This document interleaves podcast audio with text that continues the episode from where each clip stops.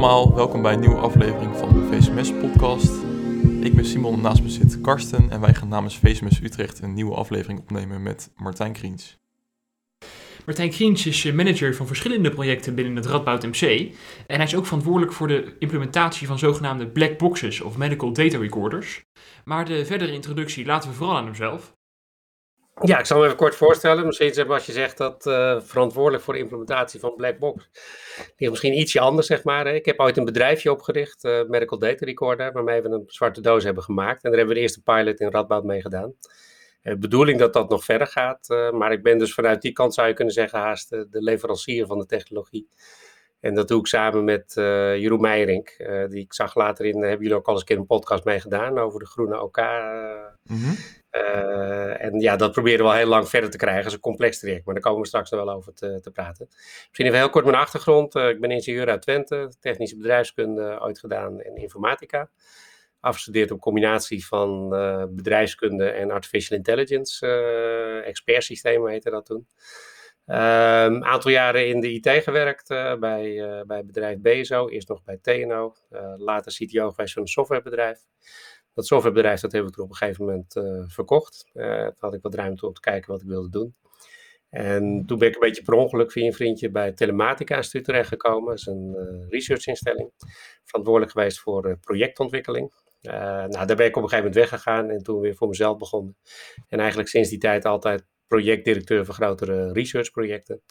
Uh, zes jaar in Amsterdam uh, gezeten uh, bij een clubje dat heet Amsterdam Health and Technology Instituut. Allerlei projecten op het gebied van innovatie, zorg en data vooral ook. dat is een van de CBS microdata instellingen. Um, en parallel daaraan heb ik dus op een gegeven moment ooit eens een keer een bedrijfje opgericht. dat heet Medical Data Recorder. en dat maakt een zwarte doos voor, voor de operatiekamer, net als een zwarte doos in een vliegtuig. Dat, uh, de, om op die manier beter te leren van fouten die er, uh, die er gemaakt worden.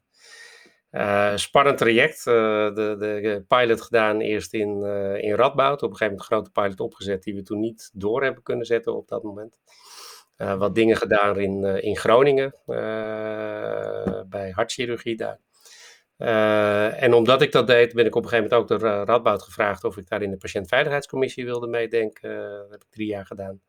Eén dag per week. Uh, ja, en we staan nog steeds in de trant dat we dit onderwerp graag verder willen brengen. Ja. Ik denk dat er in de zorg nog steeds heel veel te leren valt van de fouten die er gemaakt worden. Maar dat de mensen daar niet zo erg mee bezig zijn, of nou, dat is de, misschien te zwart-wit gezegd, maar onvoldoende nog steeds mee bezig zijn. Ik ben zelf ook vliegen, hè, op kleine vliegtuigen, de, de single-engine uh, toestellen. En een van de dingen die ik in de vliegerij heb gezien, is dat piloten ongelooflijk open zijn over alle fouten die er gemaakt worden. Uh, omdat ze weten dat al die openheid leidt tot minder ongelukken. Want elke keer als je erover gaat praten, kun je gaan denken van ja, hoe kunnen we dit daar de volgende keer oplossen? Nou, en als je dat dan vergelijkt met, uh, en die die vergelijking wordt me niet altijd in dank afgenomen in de, de operatiekamerwereld. Maar de onderzoeken die Nivel uh, al jaren doet over de vermijdbare sterfte in Nederland. Uh, en dan komt daar behoorlijk goed onderbouwd uit dat er in Nederland nog steeds ongeveer 1200 mensen per jaar overlijden in het ziekenhuis als gevolg van vermijdbare fouten. Waarvan ongeveer 60% uh, te relateren is aan de operatiepathway dus ergens in het proces rondom een operatie en tijdens een operatie dat mensen overlijden. Ja, en daar valt denk ik nog wel wat, uh, wat in te, te verbeteren. Ja, dat zal iedereen denk ik wel met u eens zijn. En dat we meteen maar de basis goed hebben. Wat is de Medical Data Recorder? Ja, dat zijn een aantal uh, verschillende uh, videocamera's. Hè, dus dat is ook al een verschil met de, de, de cockpit voice recorder in het vliegtuig. En dat is alleen maar de audio. Maar ja, het overzicht in de cockpit is ook wat makkelijker. Want die twee piloten die zitten gewoon in een stoel vastgesnoerd. En daar valt ook niet zo gek veel aan te zien wat dat betreft. En dat is een operatiekamer. Natuurlijk anders. Hè? Mensen lopen door elkaar, lopen elkaar soms in de weg. Je moet een beetje weten waar mensen staan. Dus een aantal videocamera's. In ieder geval eentje die op de anesthesie gericht staat. Eentje die vanaf het hoofd van de patiënt richting de chirurg en de assistent staat. En dan nog iemand, uh, of ja, eigenlijk die camera die kijkt meer naar de omloop. En dan een camera aan het voeteneind, die kijkt meer naar de assistent en naar de, de chirurg. Uh, het zijn microfoons. Om te zorgen dat je alle audio vastlegt. nou, dan nog vervolgens wat data die er verzameld kan worden. Dus dat kan zijn gewoon vital signs die je uit anesthesieapparatuur haalt. Maar het kan bijvoorbeeld ook zijn wanneer is het diatomie-mes aangegaan en weer uitgegaan. Hè, zodat je ook wat in de fases van de operaties wat kunt inschatten. Uh, en dan zit er vooral software achter die helpt om ervoor te zorgen dat je die data beter kunt analyseren en, en nou ja, op die manier de waarheid boven water kan krijgen. Ja, want dat is denk ik, ik zei in het begin, zeg maar, onvoldoende aandacht in de operatiekamer voor dit soort dingen. Er is natuurlijk heel veel aandacht voor veiligheid, time-out procedures. En ik, sterker nog, ik denk dat zelfs een hoop mensen een beetje moedeloos worden, soms wel eens een keer van alle aandacht die daarvoor uh, voor is. Uh, maar ik denk dat we daar, zeg maar, door veel beter erover na te denken, wat is er nou eigenlijk echt gebeurd? Uh, en wat zijn dus de lessen die je daaruit kunt trekken? Dat dat vaak nog onvoldoende duidelijk is. En daar heb je dan die data op detailniveau voor nodig. Om de ja. goede conclusie te trekken. Er is ooit een keer een promovenda uit Delft een onderzoek gedaan Waarbij ze heeft gekeken naar galblaasoperaties. Uh, had je natuurlijk het voordeel, hè, laparoscopisch, had je video ervan. En is het operatieverslag gaan vergelijken met de video die, die van die operatie over was, was gebleven. Nou, ik weet niet of jullie een gok kunnen wagen, zeg maar. Maar wat, hoeveel procent denken jullie dat overeenkwam de video en het operatieverslag? Oeh, gevaarlijke gok dit wel. Mag ja. hopen meer dan de helft. 70% kwam niet overeen. Zo. En op fundamentele punten. Hè. Dit is bijvoorbeeld zo'n discussie die ik ooit een keer met Jeroen Meijering heb gehad. En Jeroen die gaf toen aan van, uh, oh, dat, uh, dat zijn dan vast hele kleine dingetjes en zo. Dus ik heb hem toen een aantal voorbeelden gestuurd. Zo van, nou hier hebben we het over, zeg maar. Ja, ja dat zijn toch wel inderdaad fundamentele uh, afwijkingen. en dat betekent dus als je op operatieverslagen gaat proberen om je lessen te trekken, ja, dan ben je eigenlijk op een fictie ben je, je lessen aan het trekken. En nou ja, die objectieve harde data, die is belangrijk om leren vorm te geven. Um, heeft u misschien een goed voorbeeld of een uh, sappige anekdote die de, het belang van de medical data recorder goed kan illustreren? Nou, wat vooral, ik heb bijvoorbeeld ook wel eens een incidentanalyse gedaan en dat, uh, dat ging om een operatie op een gegeven moment. Uh, waarbij er een, op spoed een patiënt binnen werd gebracht die aan een blinde darm geopereerd moest worden. vervolgens zet de chirurg die zet de trokkaars, maar op een plek ja, die bij een galblaasoperatie meer horen. Dus toen was er al het eerste moment dat er een paar mensen in de operatiekamer een onrustig gevoel kregen van, nee, maar klopt dit wel? Nou, je hebt natuurlijk de time-out procedure daarvoor gehad. Hè, en nou, het verschil tussen dat aangeven is lab-up of lab-gol hè, qua operatie die je dan zegt dat je gaat, uh, gaat doen. Als je even niet oplet, dan, uh, ja. Ja, dan kan je zomaar dat verkeerd gehoord uh, hebben. En als je dan in die analyse gaat kijken, hè, ik heb op een gegeven moment dat hele team bij elkaar gebracht. Eventjes helemaal los van de normale procedure in het ziekenhuis hè, rondom analyses, die soms ook nog wel eens een keer een beetje juridisch ingestoken is. Hè, van wat zijn nou de mhm. risico's uh, als we wat boven tafel halen. Dus met het team geen aantekeningen maken, maar alleen maar het gesprek met elkaar hebben van wat heeft iedereen nou beleefd op het moment dat dit gebeurde. En dan komt er eigenlijk op neer dat je van die zeven mensen die op dat moment aanwezig waren, zeven verschillende verhalen te horen krijgt wat ze denken dat de werkelijkheid is geweest. Ja is lab, lab, labgol, wat is er nou gezegd? Of is het misschien uh, de, de, überhaupt een beetje overgeslagen? wie stond er op dat moment nou eigenlijk allemaal te luisteren? Uh, en wie was eigenlijk met een apparaat bezig, met een paar knopjes omzetten en met zijn hoofd er niet bij? Uh, dus het, het, uiteindelijk draait dit soort dingen ook om dit soort details die je boven tafel moet proberen te halen. Om te beseffen, oké, okay, dan is dit dus de les die we naar de toekomst moeten nemen. En wat was dan de les hier bijvoorbeeld? Dus om meer aandacht te geven aan de time-out procedure? Nou, onder andere hier was de, de, de, het, het feit zeg maar, dat je bijvoorbeeld bij een time-out procedure uh, heel strak met z'n allen ook echt moet gaan luisteren.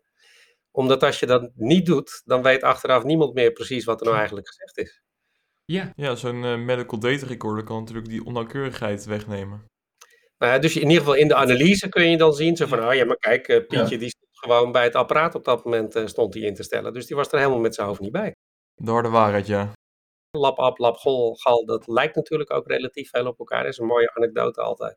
Uit de luchtvaartwereld. Toen heeft op een gegeven moment, uh, daar heb je, als je uh, met zo'n groot vliegtuig weggaat, bij de gate, hè, dan zit er zo'n karretje voor. Mm -hmm. uh, hè, dat, de pushback, zeg maar. Hè, dus dat karretje dat duwt dan het vliegtuig naar achteren om te zorgen dat die... Hè, want het vliegtuig kan alleen maar vooruit rijden. Hè, die kan niet achteruit rijden zomaar daar. En dan zit er via telecommunicatie, praat de cockpit, die praat met de mensen in het karretje. of ze wel of niet ja, gas kunnen geven en, en weg kunnen gaan.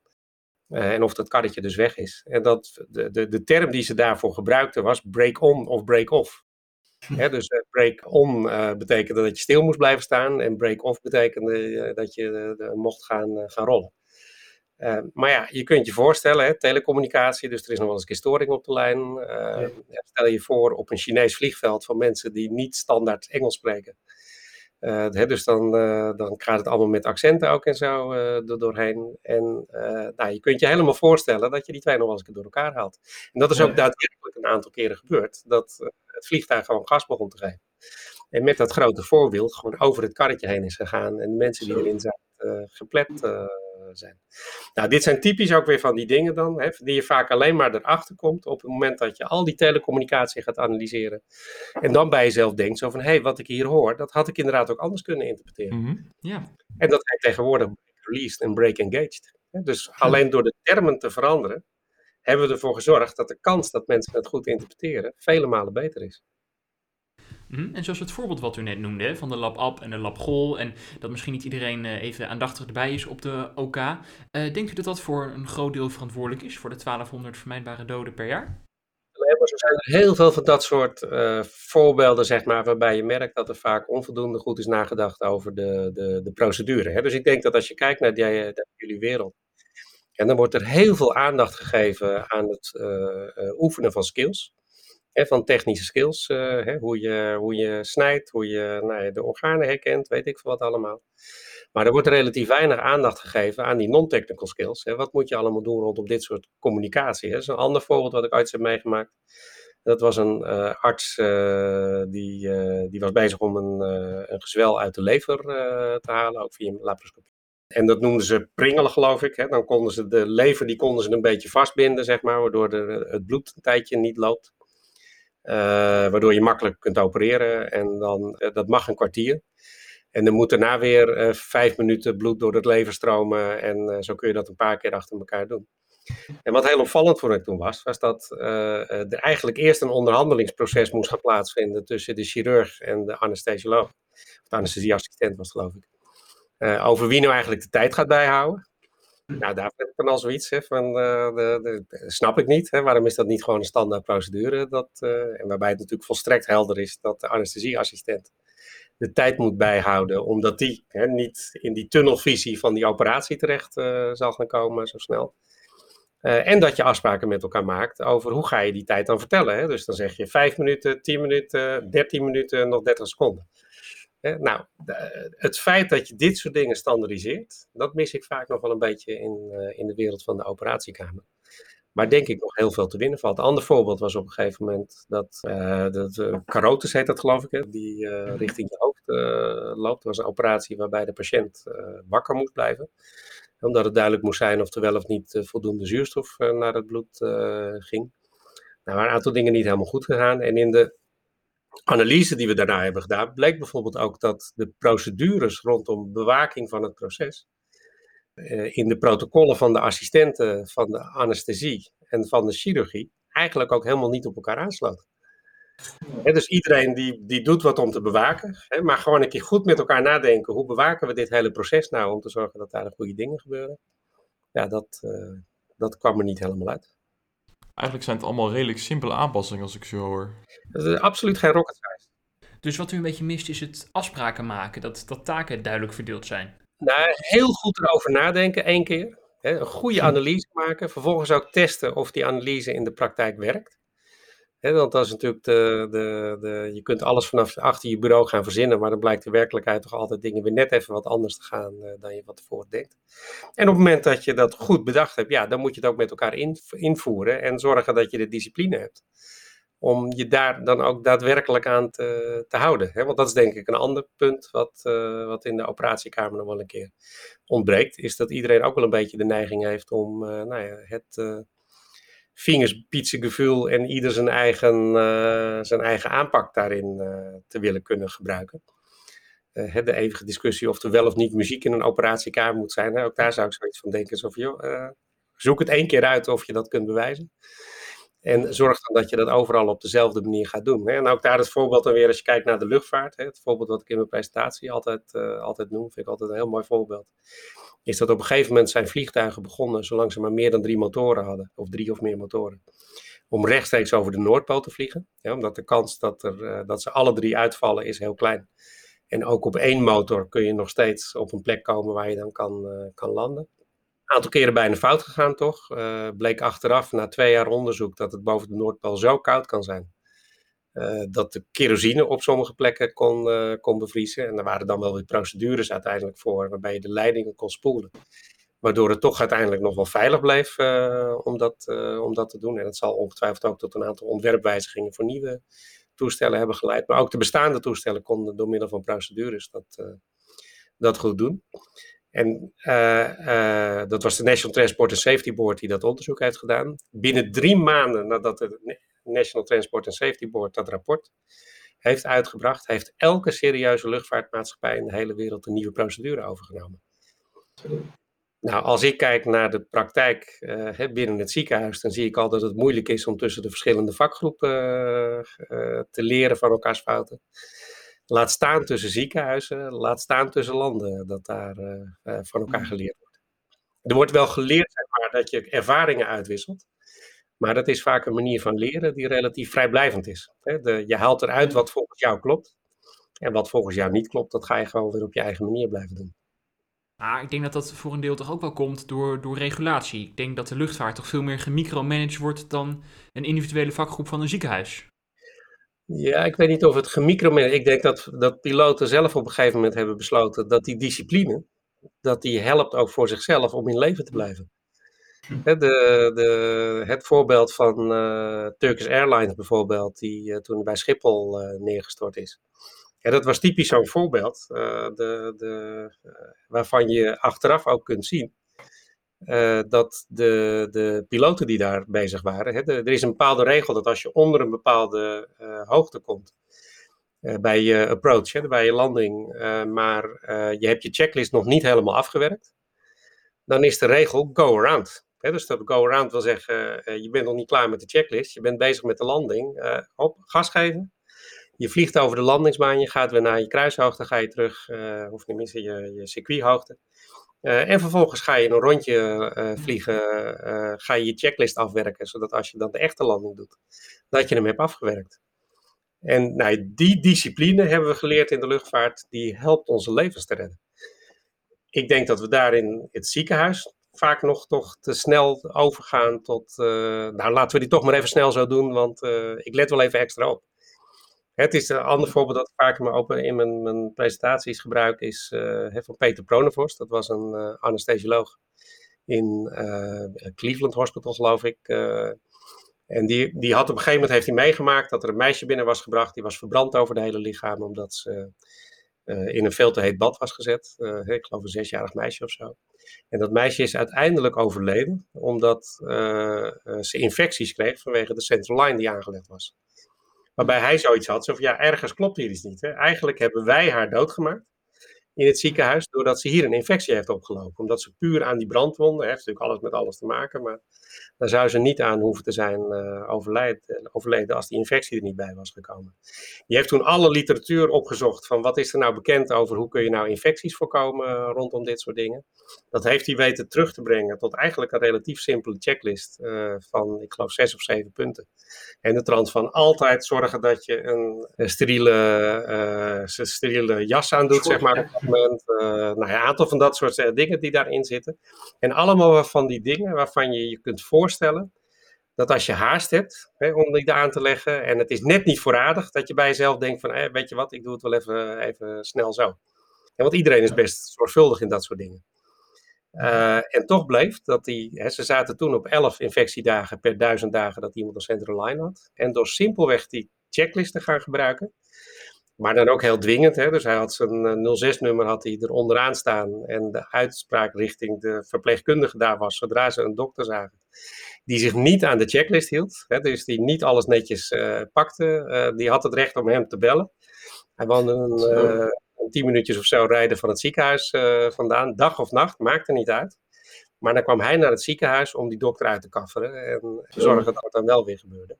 En ook een aantal praktische dingen. Hè. Dus hij heeft op een gegeven moment een karretje laten maken, waardoor alle spullen die je nodig had om dat netjes te doen, dat die altijd op alle afdelingen ook gewoon aanwezig waren en er makkelijk bij te pakken. En ze zijn toen van 11 infectiedagen per duizend dagen naar 0 infectiedagen per duizend dagen gegaan.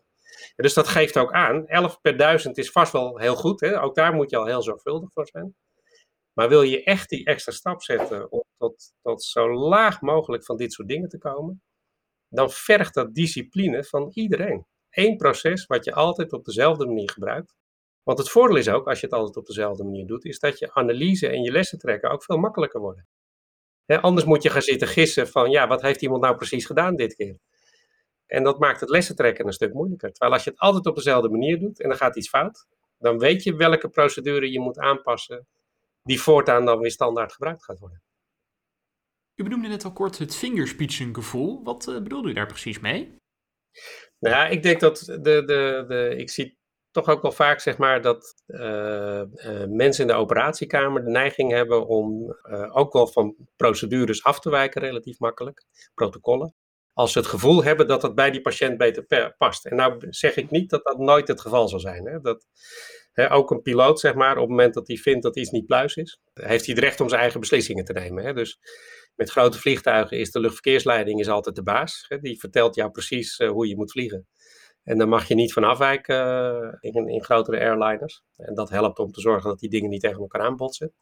Maar als een piloot zegt mayday, mayday, mayday, hè, of pan, pan, pan, dat betekent dat er iets niet helemaal goed is op dat moment is die piloot de baas. Er wordt geen enkele vraag gesteld door andere mensen. Uh, maar op dat moment mag jij als piloot precies zeggen waar je heen wil gaan en wat je wil doen. En gaat de rest van de wereld, die gaat jou faciliteren om dat voor te doen. Uh, wel zo dat je achteraf dan daar verantwoording over moet afleggen. Hè? Als blijkt dat er achteraf helemaal niks aan de hand is geweest. Uh, ja, dan, dan ja, zul je daar uiteindelijk ook weer op aangesproken worden. Maar ik denk dat het, het, het afwijken van die standaard uh, dat bij piloten heel erg het gevoel heerst over ja, dan moet er ook echt wel iets aan de hand zijn. En dan moeten we eigenlijk ook altijd een analyse achteraf doen waarom we hebben moeten afwijken van de standaard.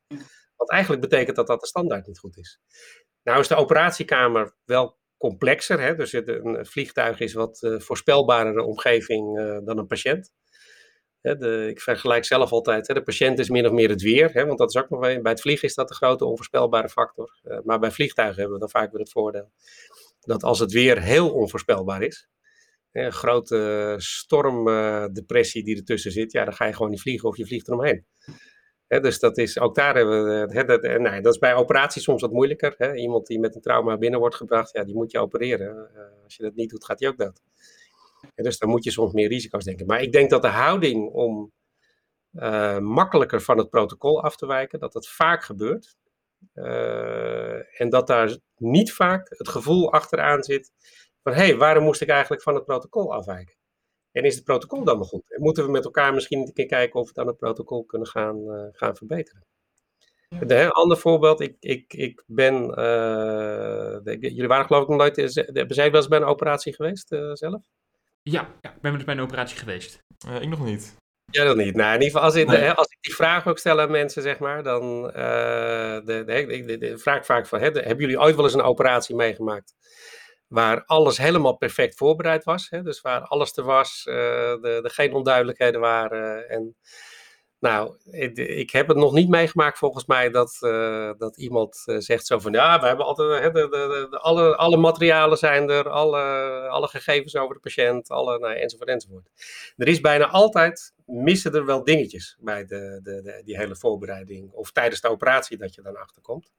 En ook daarvoor zie ik in de praktijk dat uh, mensen in de OK heel goed zijn geworden in het improviseren om dan toch het beste ervan te maken. En daarom gaat het ook meestal wel goed. Maar dat ze bijna nooit dan aan het eind van de operatie zichzelf de vraag stellen: ja, maar hoe hadden we dit nou kunnen voorkomen? Dat we hebben moeten improviseren. Want eigenlijk is improviseren natuurlijk heel slecht. Hè? Ik bedoel, we hebben allemaal met de neiging om de chirurg die uh, onder moeilijke omstandigheden er toch nog een, een resultaat uit weet te persen, om die de hel te vinden. Maar misschien is de, de held juist wel degene waarbij er nooit iets spannends gebeurt. Omdat hij het gewoon goed, hij of zij het goed voorbereid heeft en, en op een goede manier strak aan het uitvoeren is.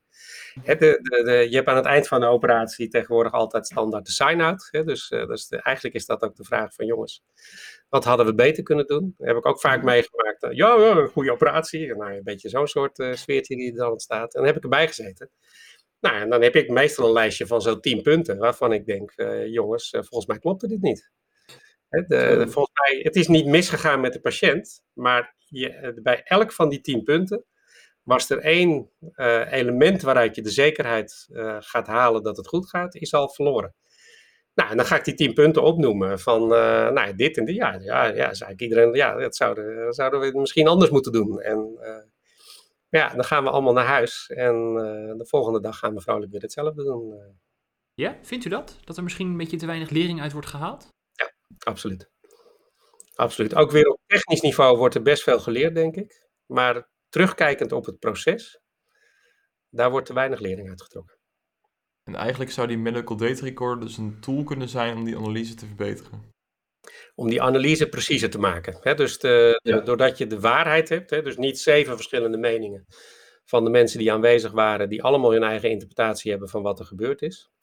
Maar gewoon een, een hè, video, audio, uh, sensordata, waaruit je precies kunt analyseren wat er nou eigenlijk gebeurd is.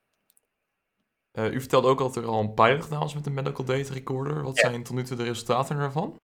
Nou ja, dus daar kwamen dit soort dingen uit als bijvoorbeeld, hè, wat ik altijd wel grappig vond, is dat uh, de, hè, de, uh, in een aantal gevallen werd uh, de, ik weet niet precies welke het ook weer was, zeg maar, maar de, de sign-out of een van de andere stappen, zeg maar, in het proces, die werd door de chirurg uit het hoofd gedaan. En dat iedereen denkt natuurlijk ook altijd van, hè, dat heb ik al duizend keer gedaan, dus, dus dat moet geen, hè, daar hoef ik het papiertje niet voorbij te pakken. Waaruit bleek dat in 60% van de gevallen uh, er toch één of meer items vergeten waren op het moment dat iemand het uit zijn hoofd deed. Ja, dus ook dat geeft weer zo, we overschatten onszelf ontzettend. Hè? Toen ik ooit mijn vliegbrevet heb gehaald, ik ben zelf ook wel iemand die van nature zeg maar ook eigenlijk niet zo van de procedures is. En, uh, dus toen ik op een gegeven moment al tien keer diezelfde checklist had doorlopen, uh, dan zei ik tegen mensen, ja, kan ik niet gewoon uh, dit, met de hand doen en als het ware gewoon er langs lopen. En, en hij zat zo me aan te kijken van, joh, waarom zou je dat willen? Pak dat papiertje erbij, ga er met je vinger gewoon er rondomheen. Dat geeft de meeste rust om zeker te weten dat je het hele proces doorloopt. Ja, en het zou dus ook iets moeten zijn waar we in de geneeskunde naartoe moeten, als ik u zo hoor. Nou, ik denk, nogmaals, de geneeskunde, hè, operatiekamer is een complexere omgeving dan de cockpit van een vliegtuig. Hè, dus dat, je kan nooit, moet je dat proberen één op één uh, dezelfde procedures te, te, te, te, vinden. Maar ik denk, de, de filosofie van leren, hè, altijd zorgen dat je dingen zo strak mogelijk vastlegt, uh, bij voorkeur zoveel mogelijk automatisch, zodat je ook niet te veel administratie natuurlijk gaat krijgen. Waardoor je een basis hebt, waardoor je je analyses kan uitvoeren. En vervolgens de open houding met elkaar om die fouten die je hebt gemaakt te delen. En de bereidheid dat als je die met elkaar deelt, dat je ook wil gaan nadenken, ja, maar hoe moeten we het dan morgen anders doen dan dat we het vandaag deden? En ik denk dat dat op het gebied van de non-technical skills, dat die houding van hoe zorgen we ervoor dat we het morgen beter doen dan vandaag, ja, dat daar best nog wel uh, wat verbetering in mag komen. En wat denk je dat daar de reden van is, die terughoudendheid om dingen te veranderen?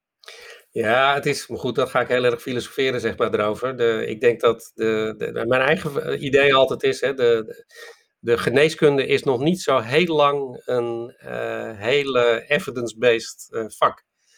Het is natuurlijk heel lang, is, uh, is, ja, heeft heeft geneeskunde voor een groot gedeelte uit vingerspitsengevoel bestaan. Hè? De arts die een beetje inschat van, oh, deze persoon wil dit wel hebben.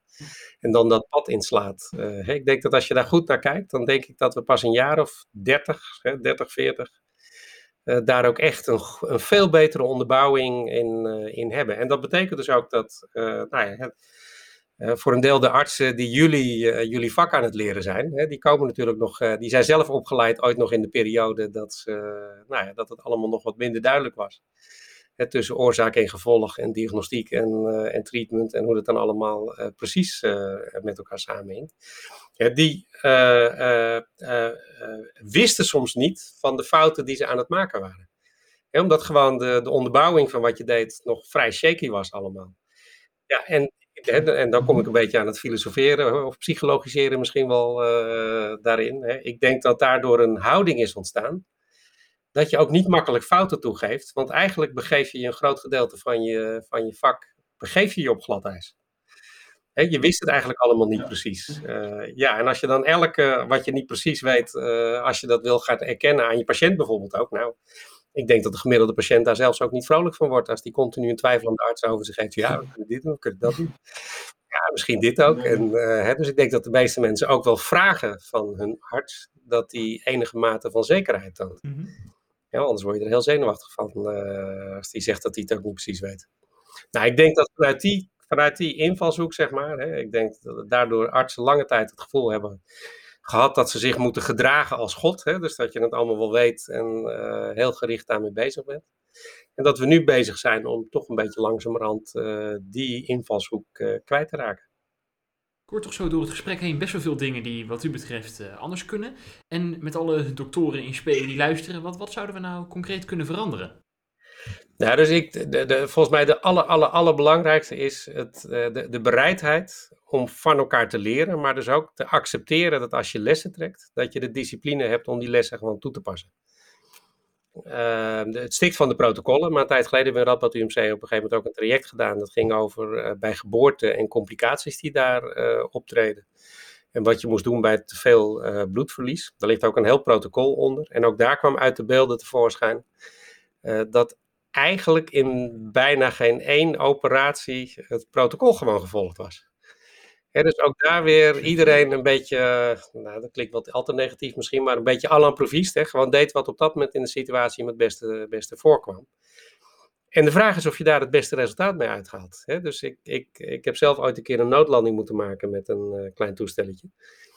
En dan ben je dus als piloot ben je zo uh, gedeformeerd, zou je kunnen zeggen, dat terwijl je dus in een situatie zit dat je zeker weet dat je over twee minuten beneden bent. Hè, want dat was ongeveer, hè, de, qua hoogte die ik zat, uh, ging ongeveer nog twee minuten duren voordat ik onherroepelijk uh, op de grond zou zijn. En het eerste wat je doet is je checklist pakken. Ja, dus dat, dat gewoon omdat je weet dat de ervaring heeft uitgewezen, checklist pakken is de veiligste manier om beneden te komen. En dan moet je, je en dat, hè, daar word je dus waanzinnig op getraind, om dat als, als eerste stap ook echt te doen. Omdat het namelijk geen natuurlijke houding is.